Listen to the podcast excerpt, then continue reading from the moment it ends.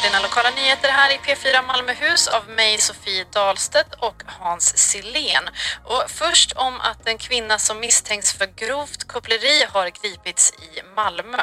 Kvinnan greps igår efter en tids spaning mot en massagesalong. Det var polisens människohandelsgrupp som agerade. Och flera sexköpare kommer nu att hamna under lupp, skriver polismästare Petra Stenkula på Twitter.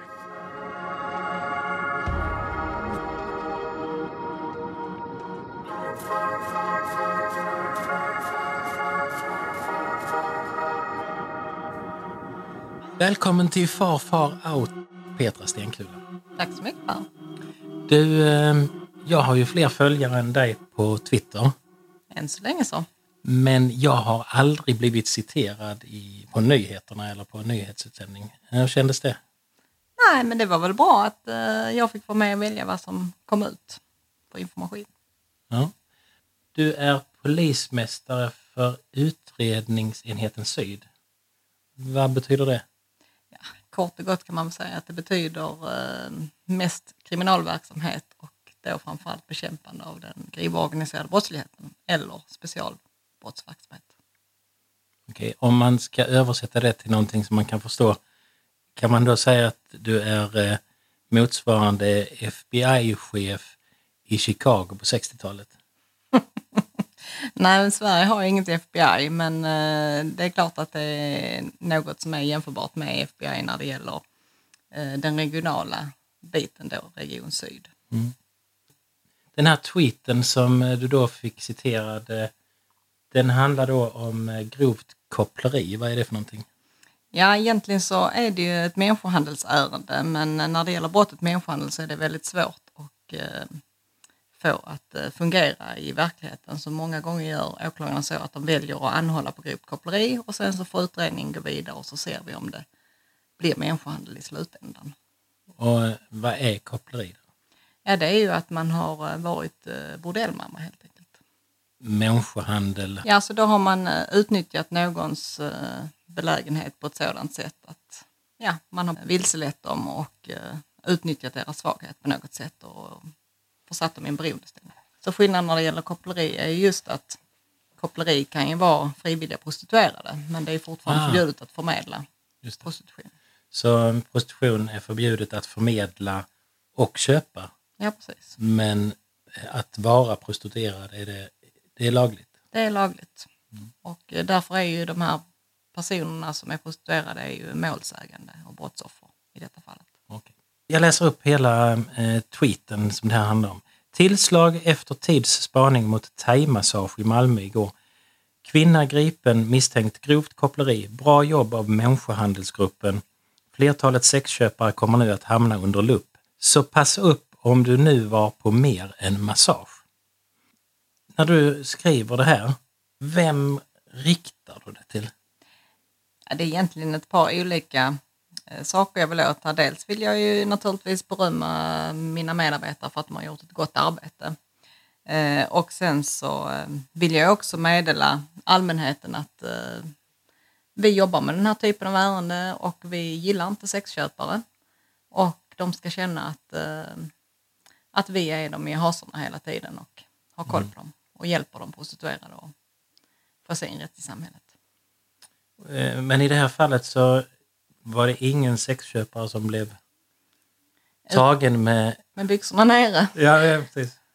Ja, det förtäljer ju inte historien. Eh, Men eh, det är klart att det är ett stort antal sexköpare som nu kommer att förhöras och utredas. Jag skriver ju bara som privatperson. Det är inte så många som vill höra om försäkringar kanske. Men när man ser på ditt Twitterkonto så är det en off- offentlig kanal. Och jag har också sett att du har många kollegor som, som twittrar. Vad är liksom syftet? Ja, så syftet är ju att nå eh, allmänheten, politiker, journalister och vara en snabb kanal för information där vi vill nå ut på olika sätt. Antingen eh, locka till pressträffar eller locka till samtal eller kort informera om sånt som eh, vi tycker att allmänheten bör känna till. Eh, och vi började med detta för några år sedan, jag och min kollega eh, Stefan Sintéus som är polisområdeschef i Malmö, efter att vi hade lyssnat på holländsk polis som använder sig väldigt mycket av Twitter. Så då startade vi igång det. Syftet är ju att vi ska få journalister att nappa på detta och, och skriva om att vi jobbar med människohandel. Mm. Som ju är ett avskyvärt brott där man utnyttjar personer. Eh, och skapar lite nervositet kanske bland sexköpare och i, i den bästa världar så hör de kanske till och med av sig till oss själva. Det har vi varit med om i flera koppleriärenden. Okej. Att de hör av sig själva och säger att jag har varit med på de här salongerna eller i detta fallet eller andra människohandelsärenden som vi haft. Eller så erkänner de direkt när de kommer på förhör. Det är det vanligaste. Det tyder lite på att de här människorna är inte folk som inte är grovt kriminella utan detta är första gången de hamnar i rättvisans klor på något sätt. eh. Ja, första gången de åker fast kanske. Sexköpare har vi ju i alla samhällsklasser och alla kategorier av människor. Mm. Eh, Så det är väl den eh, brottskategorin där vi kan stöta på alla möjliga sorters människor. Eh, Jag är övertygad om att flera av dem också slutar när de får reda på hur illa kvinnorna har blivit behandlade.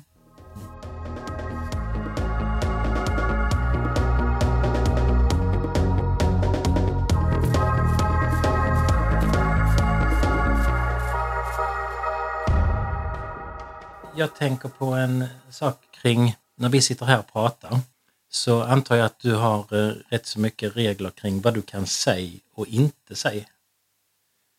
Eh, Kan du inte beskriva lite, vad är det för regler som gäller för en polischef, vad man kan berätta och inte berätta? Ja, det finns ju en sekretesslagstiftning som gäller för allting som eh, sker inom polisen. Eh, men sen kan vi välja att gå ut offentligt med en del saker därför att eh, det kan gagna det brottsförebyggande arbetet eller det brottsutredande arbetet. Och här måste jag ju ta ett ansvar naturligtvis som eh, polischef så att rätt information kommer ut. Och då måste jag hela tiden väga för och nackdelar med detta. Men eh, det finns väl också så, regler kring när får man berätta om någonting. Som i det här fallet eh, när ni eh, anhåller någon för grovt koppleri så kan ni säga vissa saker men andra saker kan ni inte säga. Eh, och ni kan inte gå ut med några namn innan någon är dömd och sådär. Nej, precis. Det är ju förundersökningssekretess råder ju och i detta fallet så är det ju en åklagare som leder förundersökning så att eh, eh, då får hon ju, eller han, vara med och tänka till om, eh, om vad som ska ut och många gånger är det åklagaren själv som tar dialogen i, i medierna. Eh, men när det gäller just att vi har slagit till och att vi har ingripit mot en viss brottslighet, det går vi nästan alltid ut med. Mm. Och så eh, när man har sett eh, alla amerikanska polisserier så vet man ju också att man går ut med vissa saker men andra håller man tyst om för att det kan användas mot brottslingen. Ja, precis. Det gäller att väga för och emot och ibland kan man ju vara taktisk och gå ut med saker. Och eh, ibland så gagnar det utredningen bättre att man håller tyst.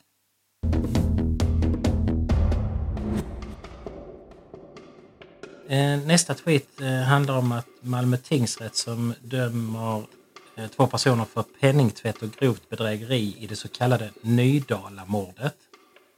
Eh, Så tänker jag direkt att det ju, måste ju ändå vara ovanligt att man dömer folk till penningtvätt för ett mord. Ja, alltså i det fallet så är det ju en person som blev dömd för mord och sen stod det ju flera åtalade för medhjälp till mord och de blev ju friade för de åtalspunkterna men däremot så blev man istället dömd för eh, grova bedrägeri och penningtvättsbrott. Och det, nu går jag tillbaka till mina amerikanska utan filmer. Eh, när maffian till sist blir dömd för skattebrott. Mm. Så man lyckades att eh, och döma dem för det men inte för alla mord de hade begått.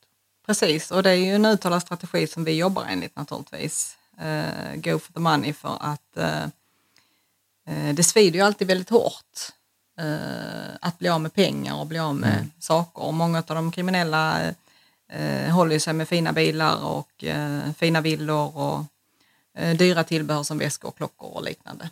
Och eh, har också mycket kontanter. Och vill ju gärna tvätta dessa pengarna på olika sätt. Eh, och där har ju penningtvättsbrottet blivit ett väldigt bra verktyg för oss. Bevisläget är bättre oftast i penningtvätt eftersom Ja. det rent faktiskt finns transaktioner på konton. Och, och, eh, med den lagstiftning som vi har så är också banker eh, och andra eh, finansiella institut skyldiga att ha koll på det här. Eh, vilket gör att också bankerna anmäler den här typen av konstiga transaktioner. Du har berättat någonting om att det inte är helt ovanligt att man använder ungdomar för penningtvätt. Kan du berätta vad det betyder? Mm. Och det är ett stort bekymmer för oss därför att eh, jag är inte säker på att eh, ungdomar eh, begriper att de begår ett brott när de swishar pengar sinsemellan eller, eller flyttar pengar mellan olika konton. Och vi är angelägna om att komma ut med information till de här ungdomarna så att man förstår att man får inte lov att flytta pengar hur som helst åt andra personer utan man ska veta vad det är för pengar man flyttar. För är det pengar som härrör ur kriminalitet och brottsvinster så kommer man också själv bli dömd för penningtvätt. Eh, De kanske eh, lurar av eh, ett bank-id till exempel. Eh, från en äldre person företrädesvis har vi sett. Eh, Och snabbt så går de in och tar över och gör ett nytt bank-id, flyttar alla pengar från deras konton och sen swishar de ut det till kanske tio olika, ofta ungdomar då. Eh, Och sen ber de ju dem swisha tillbaka pengarna Okej. men de får kanske behålla en 500-lapp för Ja, ja. besväret. Eh, Så har de då plockat ut 100 000 så kostar de kanske 500 per penningtvättare. Och så tycker ungdomarna att jag bara gjorde en tjänst men i själva verket så har de också begått ett fullbordat brott.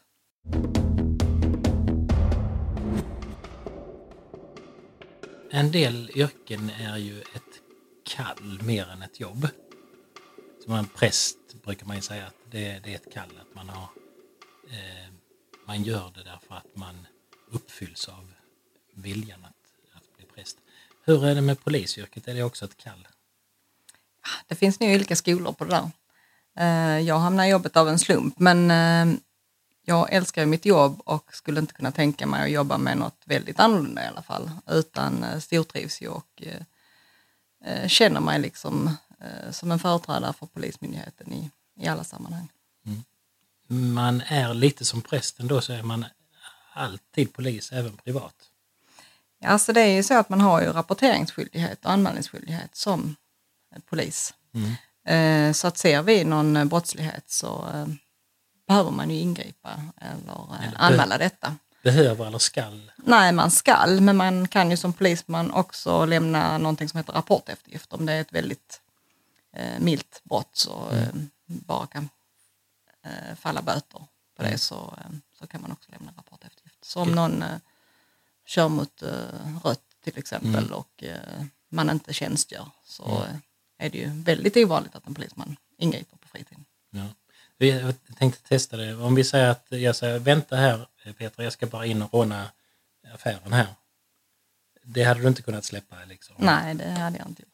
Jag hade ju eh, ifrågasatt mitt umgänge naturligtvis. Men om eh, vi är i affären och jag stoppar ner en chokladkaka i fickan. Ja, då skulle jag bli väldigt stressad och försöka ta tag i det på ett snyggt sätt. Varför, Och se till att det blir avbrutet. varför stressad? eh, nej men det är ju extremt jobbigt om det skulle visa sig att man umgås med personer som själv är kriminella. Det, det vill man helst inte göra som polis. Så, så du måste eh, hårt sortera vilka du umgås med? Ja, det gör jag. Ja. Eh, sen eh, naturligtvis så är det ju så att eh, många poliser umgås med poliser och jag är inte Mm. alls sådan utan jag umgås med alla möjliga eh, människor. Och eh, vi kan ju inte kontrollera upp någons belastningsregister eller så. Det Nej. får vi absolut inte göra. Eh, men jag omger mig gärna med människor som har gott omdöme. Nej, men vi tar det sista. Vi åker bil, jag kör och kör i 120 på 90-väg. Ja, det får du inte göra naturligtvis. Och då kommer du till att avbryta detta? Eller? Jag kommer kommentera det. Ja. Men om jag fortsätter, kommer du ingripa? Nej, det skulle nog vara svårt att göra om det är en nära anhörig eller nära vän. Men däremot skulle jag ju till exempel aldrig tolerera att någon körde rattfull eller liknande. nej, nej. Men jag menar att, att man tillfälligt kör fortare, då får man väl säga till personen att du sakta ner. Eh, Du, eh, nästa tweet är ju lite spännande för det är en bild på dig med en regnbågsflagga bakom och två personer. Vad var det för någonting? Nej, men vi var på Pride i eh, Växjö. Det var ju en av de största Pride här i eh, Sverige i år. Eh, och i min organisation så finns hatbrottsgruppen. Och vi jobbar ju väldigt aktivt med att motverka hatbrott på olika sätt. Och hbtq-frågorna är ju en del i hatbrottsverksamheten. Eh, så dels så vill vi ju ta ställning genom att vara med eh, för alla de brottsoffer som har det svårt. Eh, och sen vill vi också visa som polismyndighet att vi är en polis för alla. Vi är en polis som tar hand om alla brottsoffer men vi är också en polis som vill spegla mångfald och ha anställda som finns från hela samhället. Så hatbrott, är är det mot en grupp eller vad, vad, hur definierar ni det? Ja, det kan det ju vara, men det är ju framförallt eh, så strider det ju på eh, något vis mot de grundläggande fri och rättigheterna. Så det kan ju vara eh, att man så att säga har ett motiv för sitt brott, något förtal eller misshandel eller vad det nu än kan vara, på grund av någons religion, sexuella läggning eller etnicitet till exempel. Mm.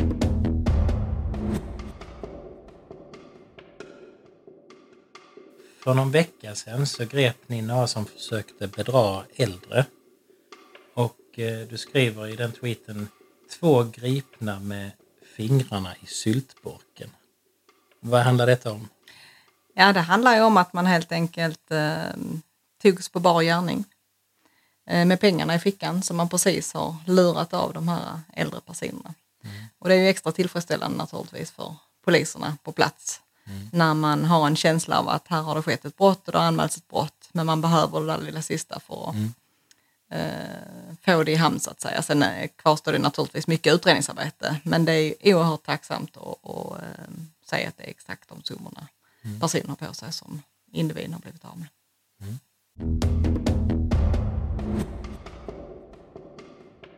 Svenska polisen är organiserade med en högsta chef som är rikspolischef. Va? Det stämmer. Och denna är en politiskt... Eh, Ja, det är en politisk tillsättning, eh, Anders Thornberg, men han har ju jobbat som eh, polis tidigare. Eh, och eh, innan han kom hit så eh, var han ju chef för Säkerhetspolisen. ah, Säpo. Just det. Och under honom, vad, hur ser det ut sen då? Sen finns det ju ett antal regionpolischefer och en chef för nationella operativa avdelningen. Och den, den som är chef för nationella operativa avdelningen är också ställföreträdande rikspolischef. Och, och Säpo ligger helt utanför detta? Eller? Ja, det blev ju en egen myndighet i samband med att eh, Polismyndigheten blev en myndighet 2015. Och regionpolischefen är då din chef? Eller? Ja, precis. Det finns sju eh, regioner i Sverige. Och då tillhör jag Region Syd som har en re- regionpolischef. Vad, vad finns det fler för avdelningar eh, förutom din för grov I? Region Syd. Ja, tänker jag på. Ja. Eh, Det finns en operativ enhet. Vad Eh, betyder det? eh, Det är de som har företrädesvis eh, eh, specialverksamhet fast på den operativa sidan. Så det är rytteri och hund och eh, regionledningscentralen, polisens kontaktcenter, insatsstyrkan, gränspolis. Sen finns det en underrättelseenhet och det är de som eh, ska ta fram underlag för att vi ska kunna ha en eh, underrättelsestyrd eh, polisverksamhet så att vi jobbar med rätt saker. Eh, Så att vi hela tiden eh, Eh, ska försöka ligga före eh, de kriminella och också kunna sätta in brottsförebyggande åtgärder som är vetenskapliga och som är eh, på rätt plats vid rätt tidpunkt. Och sen så finns det också ett kansli. Eh, Och sen förutom det så finns det ju ett antal polisområden då. Mm. De här eh, som penslar och gör en massa undersökningar eh, på laboratorium, det har jag också sett på de här amerikanska serierna. Var finns de då? Eh, när det gäller kriminaltekniker och lokala brottsplatsundersökare, de som åker på bostadsinbrott och liknande, så finns de i min organisation.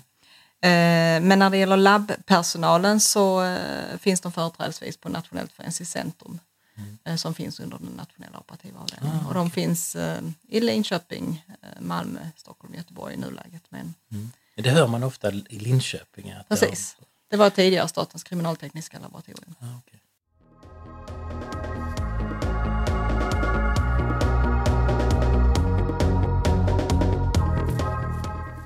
Skriver också att hovrätten skärper straffen i tiggerihärvan. Till att börja med, där har du använt ett ord som troligtvis är journalisters språk. Ni pratar väl aldrig om härvor? Eller? Jo då, det gör vi. Eh, pratar om nätverk eller härvor.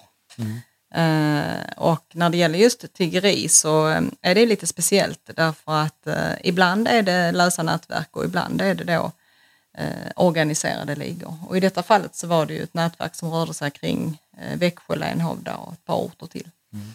Eh, och de här eh, tiggarna eh, hämtades ju från eh, svår social misär eh, utomlands och eh, rekryterades då till att eh, sitta och tigga och fick eh, endast äta baguette och vatten och eh, levde under usla förhållanden.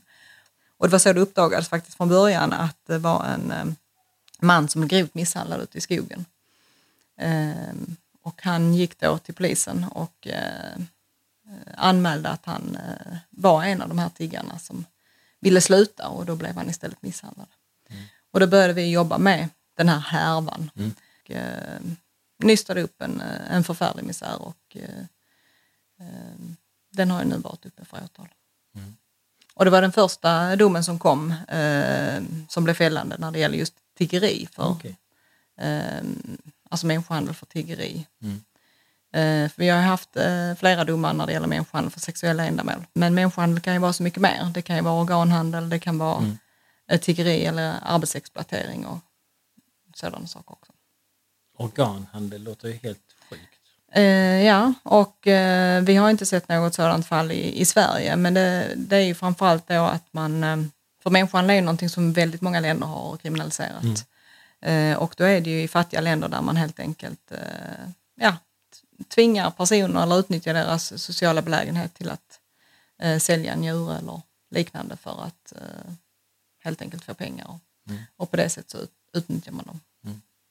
Eh, Det här med tiggerin så har det varit mycket debatter i Sverige kring är tiggarna brottslingar som samlar ihop eller är det enskilda personer som, som hjälper sin familj? Ehm, och onekligen så var i det här fallet var det organiserat. Ehm, har ni inom polisen någon offentlig hållning till tiggeri som företeelse? Nej, vi blandar oss inte i det eh, politiska eh, när det gäller just huruvida det ska vara lagligt eller inte. Det finns säkert olika åsikter inom polisen. Eh, men om man ska se på det ur samma sätt som eh, prostitution Mm. Eh, så kan man säga att om man väljer att kriminalisera tiggarna i detta fallet eh, så visst eh, är det möjligt att det, det försvinner och därför kan ju många tycka att det är bra men på prostitutionen så har man ju sett att det är lättare att få de prostituerade att vittna i människohandelshärvor eller grova kopplerier om de inte själva är kriminaliserade. Ja. Så det kan finnas en vittnesproblematik om man väljer att kriminalisera eh, tiggarna. Men det är klart att de tiggarna då som inte är utsatta för exploatering på olika sätt och vis, de hade man möjligen skrämt bort med straff då, så att de hade slutat att tigga. Ja. Men personer som eh, är exploaterade på olika sätt tror jag inte man skrämmer bort genom att eh, kriminalisera dem, Nej. utan det är nog snarare så att, man kan, faktiskt kan försvåra rättsprocessen.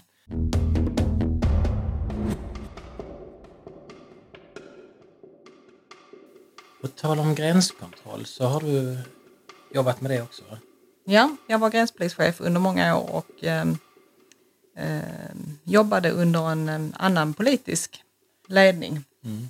Eh, och eh, då när jag arbetade med det så eh, eh, jobbade vi mycket med eh, verkställigheter genom ett projekt som heter REVA. Och då var det ett eh, politiskt läge som eh, eh, gjorde att det var ganska kontroversiellt att vara duktig på att eh, verkställa eh, utvisningar och avvisningar. Idag lever vi i ett annat politiskt läge där man eh, tvärtom menar på att vi måste eh, se till att, att de som får beslut om utvisning och avvisning faktiskt åker iväg. Mm. Och här är det också nära kopplat till människan. Många av de här personerna som då går under jorden därför att de inte vill eh, avvisas av olika skäl. De har ju naturligtvis eh, flytt hit därför att de anser att de har asylskäl och sen har en domstol bedömt att de har inte tillräckliga asylskäl eller att de ska till något annat land för de har varit där först. Eh, men många av de här personerna utnyttjas också eh, i, eh, ja, för arbetsexploatering eller prostitution och liknande. Så att här är ganska svåra omständigheter att jobba med eh, de här uppgifterna eh, samtidigt därför att ja, många av de här personerna har inget val helt enkelt att försörja sig. Mm. Utan då väljer de ju att gå in i olika typer av svart arbetskraft. Du antydde lite att det inte var så välkommet eh, hos alla att jobba med verkställighet av eh, utvisningsärende. Jag tänker ju på att det är mycket människoöde. Det kan inte vara he- vara helt lätt att ta hand om sådana ärenden. Ja, det är ett mycket svårt arbete eh, och det är inte alla poliser som, som passar för att jobba i den verksamheten. Mm. Utan man måste vara en väldigt eh, human person, lugn person och eh, ha ett väldigt bra bemötande och tänka på att det här är inte eh, vanliga kriminella så att säga, utan det här är personer Mm. som inte är misstänkta för några brott, utan de eh, har hamnat i en svår situation och en domstol har beslutat att de ska eh, ut ur Sverige. Eh, och i en del fall är det till deras hemländer och då är det ju extra jobbigt många gånger och ibland är det till ett annat EU-land och då är det inte lika jobbiga ärenden att jobba med för att vi menar att man har samma rättigheter i hela EU även om vissa hävdar att det inte är så. Men jag, jag tänker tvärtom att man måste vara stenhård och oempatisk. Eh, nej, eh, tvärtom så är det då så att man måste bemöta de här människorna på ett väldigt korrekt sätt och ja, vara väldigt inlyssnande och, och eh, hjälpa dem på det sätt som går helt enkelt utifrån att beslutet ändå ska verkställas men att man ändå underlättar eh, kontakter kanske eh, dit de ska komma. I många fall följer också poliserna eh, eller eh, kriminalvården med ner till de här länderna och ser till att de kommer ända fram. Vet du vad, jag tänker att eh, det finns bara ett annat jobb som skulle vara ännu värre att ha. Det är parkeringsvakt. Ju. Ja, jag skulle aldrig bli parkeringsvakt men det är en väldigt viktig funktion i samhället eftersom eh, de blir ju lätt väldigt utskällda och så och därför skulle det vara en väldigt jobbig funktion att ha. Så du har inte varit parkeringsvakt men du har varit eh, ansvarig för verkställande. Ja, och jag har inga problem med det därför att eh, jag tror väldigt mycket på rättssamhället. Mm. I Sverige har vi möjlighet till eh, överprövning av våra beslut. Så när det gäller en person som då av, eh, får ett beslut om avvisning eller utvisning av en myndighet, det är Migrationsverket eller polisen som beslutar Mm. om det, eh, eller en domstol ju naturligtvis, om det är en brottsutvisning. Men eh, de har ju alltid möjlighet att få det överprövat, ofta i flera instanser. Eh, och eh, man måste tro, om man ska jobba som polis överhuvudtaget, så måste man tro på rättssamhället och tro på att domstolarna fattar rätt beslut. Och om det är felaktiga beslut så har man möjlighet att få det överprövat. Men sen är det domstolen som kan lagen och har vi då fel på lagarna så måste vi eh, förändra i riksdagen och rösta fram andra partier som då eh, tar fram lagstiftning eller röstar igenom lagstiftning som eh, är adekvat helt enkelt. Men Jag vet inte om jag köper det. Alltså, jag tror ju väldigt mycket på ett eh, samhälle där eh, alla betalar skatt för att ha sjukvård och skola och sådär. Men jag vill inte jobba som skatt, skattemas. Nej, och därför jobbar du inom privat företag istället. Ja, ja, ja. Ja, ja men det jag tänkte på. Jag, jag förstår ju att du tror på rättssamhället. Men eh, jag tror ändå många poliser som tror på rättssamhället skulle undvika just en sån, ett sånt jobb. Tänker jag. Mm, jo, men det är ju många så, alltså det är ju så att man söker sig eh, till att jobba med just verkställigheter så det är ju någonting man aktivt söker sig till. Men däremot så måste ju alla poliser kunna jobba i gränskontroll till exempel och där förekommer också avvisningar. Eh, så att det måste man kunna utföra. Och kan man inte det så sätter man på något vis sig över lagen. Då, Om jag skulle vägra att eh, verkställa ett beslut om utvisning som är fattat av domstol så skulle jag ju på något vis säga att det jag tycker och det jag känner och den informationen jag har fått av den enskilde personen skulle vara mer värd eller mer riktig än vad domstolen som har haft en hel process kring ett ärende med en advokat som har företrätt eh, individen, att den skulle vara felaktig. Så att, eh, då skulle jag ju ha ett väldigt stort ego om jag trodde att jag kunde saken bättre än en domstol. Skulle det däremot vara så att det framkommer eh, i närtid till eh, avvisningen eller utvisningen att eh, att det är något fel eller det har blivit en konflikt här. Vi hade ju den situationen till exempel innan, eh, eller precis när Syrienkriget bröt ut. Att då hade vi ett antal eh, utvisningar som låg till Syrien. Eh, och då hade vi ju nära kontakt med eh, eh, nationella operativa avdelningen och den gränspolis eh, verksamheten som så att säga le- leder svensk eh, polis i denna fråga. Som hela tiden följer tillsammans med UD eh, den utveckling som sker i ett land. Och här blir det ganska snabbt ett verkställighetsstopp. Det vill säga vi får inte verkställa till vissa länder. Eh, och i andra fall så kan det vara så att det är eh, olika typer av personliga information som har kommit fram som gör att nej men det här beslutet är felaktigt. Eh, och då är det ju så att då kan man hjälpa dem att eh, eh, få kontakt med ett offentligt biträde som, eh, eller hjälpa dem med att skicka in en inhibitionsansökan som det heter. Inhibition.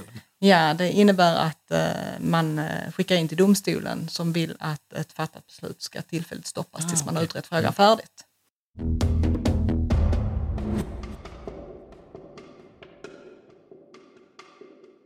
Var du då chef eh, också för poliserna som står vid betalstationen? Ja. Är tjenis på dem. På den tiden så hade vi faktiskt inte gränskontroll utan vi hade upprätthålla eh, vissa individuella kontroller som vi hade bestämt. Men eh, Schengen är i grunden ett eh, gränskontrollfritt område. Utan eh, vi hade ju gränskontroll på eh, Sturup bland annat. Men då är, är, är vi i någon slags undantagstillstånd eh, nu då? Där? Ja, det är ungefär med sex månaders mellanrum som eh, man fattar beslut om eh, gränskontroll och det är ju eh, regeringen som fattar det beslutet. Du, de där poliserna de har ju ingen humor där på betalstationen. Det är väl snarare så att man kanske har hört de där skämten som dras av resande 700 Aha. gånger så man Okej. orkar inte skratta varje gång. Aha. För mitt skämt var ju roligt ju. Vilket tänkte När du jag stod och kollade registreringsnummer, då satt de med sina telefoner. Ja, för de har ju fått in. appar nu i telefonerna. Så, det är jättebra. Så de slog in registreringsnummer. Så sa jag, får ni verkligen surfa på jobbet? Det får inte vi. Men det tyckte de inte var roligt. Eller så kom du på dem med att surfa. Ja, det kan vara det också. De kanske Och inte... kanske Facebookade. Ja, ja, det kan det vara. Så var det kanske. När du säger det där med att de har hört det 7000 gånger. Jag var eh, tre eller fyra år så var jag guide i Tykarpsgrottan. Och eh, då var det hade ni gränskontroll där? Nej, nej det hade vi inte. Men, men då eh, hade man stearinljus och ungefär var fjärde person sa ja då blir det Lucia. Och så var man tvungen till att eh, skratta. Vi var, ju, vi var service-minded. Det behöver man kanske inte vara när man står vid betalstationen. Jo, alltså man ska ju vara korrekt Ja. och vänlig men det är klart att man behöver inte skratta varenda person som kommer fram och ska skämta med. Det vanligaste skämtet man hör när man jobbar i säkerhetskontroll till exempel eh, det är ju att de har någonting olagligt i sin väska, en bomb eller något. Och det, idag tror jag inte man skulle kunna säga det ens en gång med tanke på de terrorhot som finns i världen men när jag jobbade i pass och säkerhetskontroll på början av 90-talet så hörde man ju det för var och varannan turist som skulle gå igenom säkerhetskontrollen. Det, det känns ju så i eh, säkerhetskontrollen i Sverige, det är rätt soft. Men om man är i England eh, eller USA, då är man ju inte så kakig när man går igenom säkerhetskontrollen. Nej, jag skulle inte rekommendera att man skämtar till det där Nej. utan det gäller nog att komma igenom så smidigt som möjligt och följa de instruktioner som Där är de Finns. korrekta.